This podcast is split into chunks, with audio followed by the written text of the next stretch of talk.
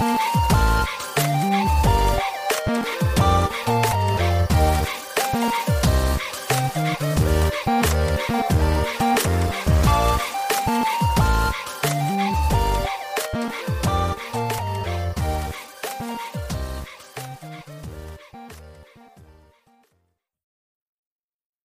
back to another episode of Daily Fortnite, your daily podcast about Fortnite. I'm your host, Mikey, aka Mike Daddy, aka Magnificent Mikey. Not a lot of news today. We did have another uh, Frosty Frenzy tournament go on today. Uh, you know, again, at work all day long, so I didn't watch any of it. I didn't catch any of it. Uh, but you know i'm sure there was a lot of good gameplay i saw there was a lot of uh, people talking about how once again today they played all uh, different regions and played all day long. Some people saying that they played for 14 or 15 hours. I wish i was playing 14 hours of fortnite instead of being at work for 16 hours. Uh, but uh, yeah, so uh, there had to have been a lot of uh, good stuff going on today. I even saw uh, Tfue must be must be getting back into Fortnite because he posted that uh, he had played 14 hours of the Fortnite tournament today. So uh, you know, like I said, the recent uh, Galactus event, just having a big event like that uh, draws attention, and uh, you know if if Fort, if Fortnite can do a good job of uh, you know keeping the content fresh, maybe some of these big content creators uh, will come back and make content around Fortnite more frequently again, like they used to. But we'll uh, have to see. Like I said, I, I wish they had the pump. I, I, bet you if the pump was still in here, uh, we would definitely be seeing a lot more content creators like jump on this season because there's a lot of cool uh, things in this season, right? Uh, let's see here, but uh, yeah, other than that, not really any news. Uh, so uh, you know, like I said, the challenges are odd. So let's just go ahead and jump straight to the item shop. In the item shop, uh, you still have you know all that tis the season Christmas stuff. The Master Chief bundle is still here. Uh, you got the Swamp Stalker outfit for 800 V bucks, the Slurp wrap for 700, the Dark Vanguard outfit with the Dark Void back bling for 2000, the Business Hips emote for 500, the Eagle emote for 500, the Shadow Boxer emote for 200. And uh, you have the lace outfit with the stitches back bling for 1,500. The paradox outfit with the eternal back bling for 1,500 the Vision Harvesting Tool for 800, the Equilibrium Glider for 500, the Sandstorm outfit for 1200, the Scimitar outfit for 1200, the Emblem Wrap for 500, the Chrono Contrail for 400, and then we got some awesome Christmas stuff. We got the Yule Trooper outfit with the Sinister Stocking back bling in here for 1,500. This is a really good one, right? Uh, let me know if you guys agree with me, but I'm a big fan of this one. Uh, we got um, the Branch Basher harvesting tool for 1,200. The Ho Ho Ho wrap for 300. The Doggo outfit with the Chow Down back bling for 1,500. Now, they added a new style for this one as well. This is uh, a Christmas style.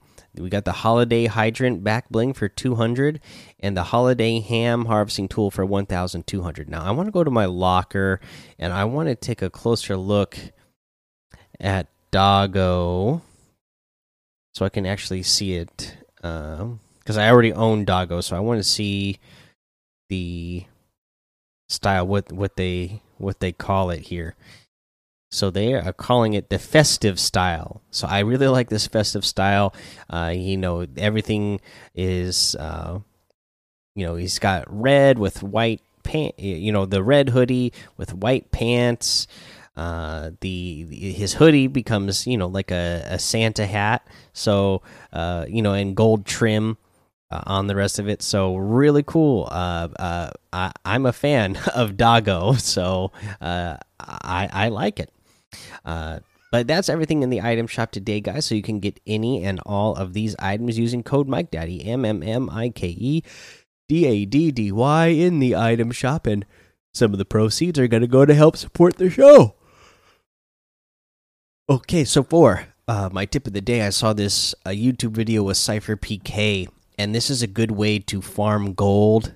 Uh, so you can get a lot of gold really fast this season because you know that's the only way to upgrade uh, weapons this season. I know they have all those like uh, special um, weapons that you can get from the uh, NPCs, but from what I've seen, uh, you know, and I haven't really gotten to play with them or take a close look at them, but from what I've seen, like the the special weapons that they have, you know, they're not really that great. So, really, the best part of going to these NPCs is being able to upgrade uh, your own weapons that you have in your loadout.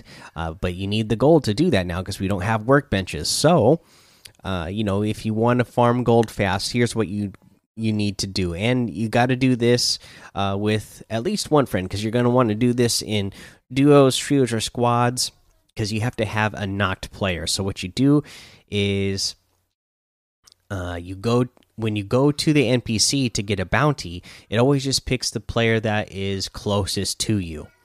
Uh, and so uh, the little uh, thing that you can take advantage of is that it also will select downed players as long as they're the closest player to you. So what you can do is try to bait a team in, knock one of the players, and then you know um, I think it would be easier if uh, both of you, or you know, however many people in the party, as long as everybody's carrying a, a rift to go uh, fish, then when when you knock a player, you somebody can pick that player up, and then somebody else use the rift so that that um so the person who's carrying the knocked player can glide over to the NPC uh, and select the bounty and then eliminate the player that they knocked because you got you got to carry the knocked player over to the NPC, drop them right there, and then they're going to be the closest person to you when you start the bounty. So the bounty will end up being that person, and then you just finish the knocked player, and then boom, you get a ton of gold. So uh, yeah, that's what I would do if you're playing public matches. Uh, start racking up the gold so that you can, uh, you know, have gold readily available whenever you need to uh, upgrade your weapons. All right, guys, that's episode for today. Go join the daily Fortnite Discord and hang out with us. Follow me over on Twitch, Twitter, and YouTube. It's Mike Daddy on all of those. Head over to Apple Podcasts, leave a five star rating and a written review for a shout out on the show. Make sure you subscribe so you don't miss an episode. And until next time, have fun, be safe, and don't get lost in the storm.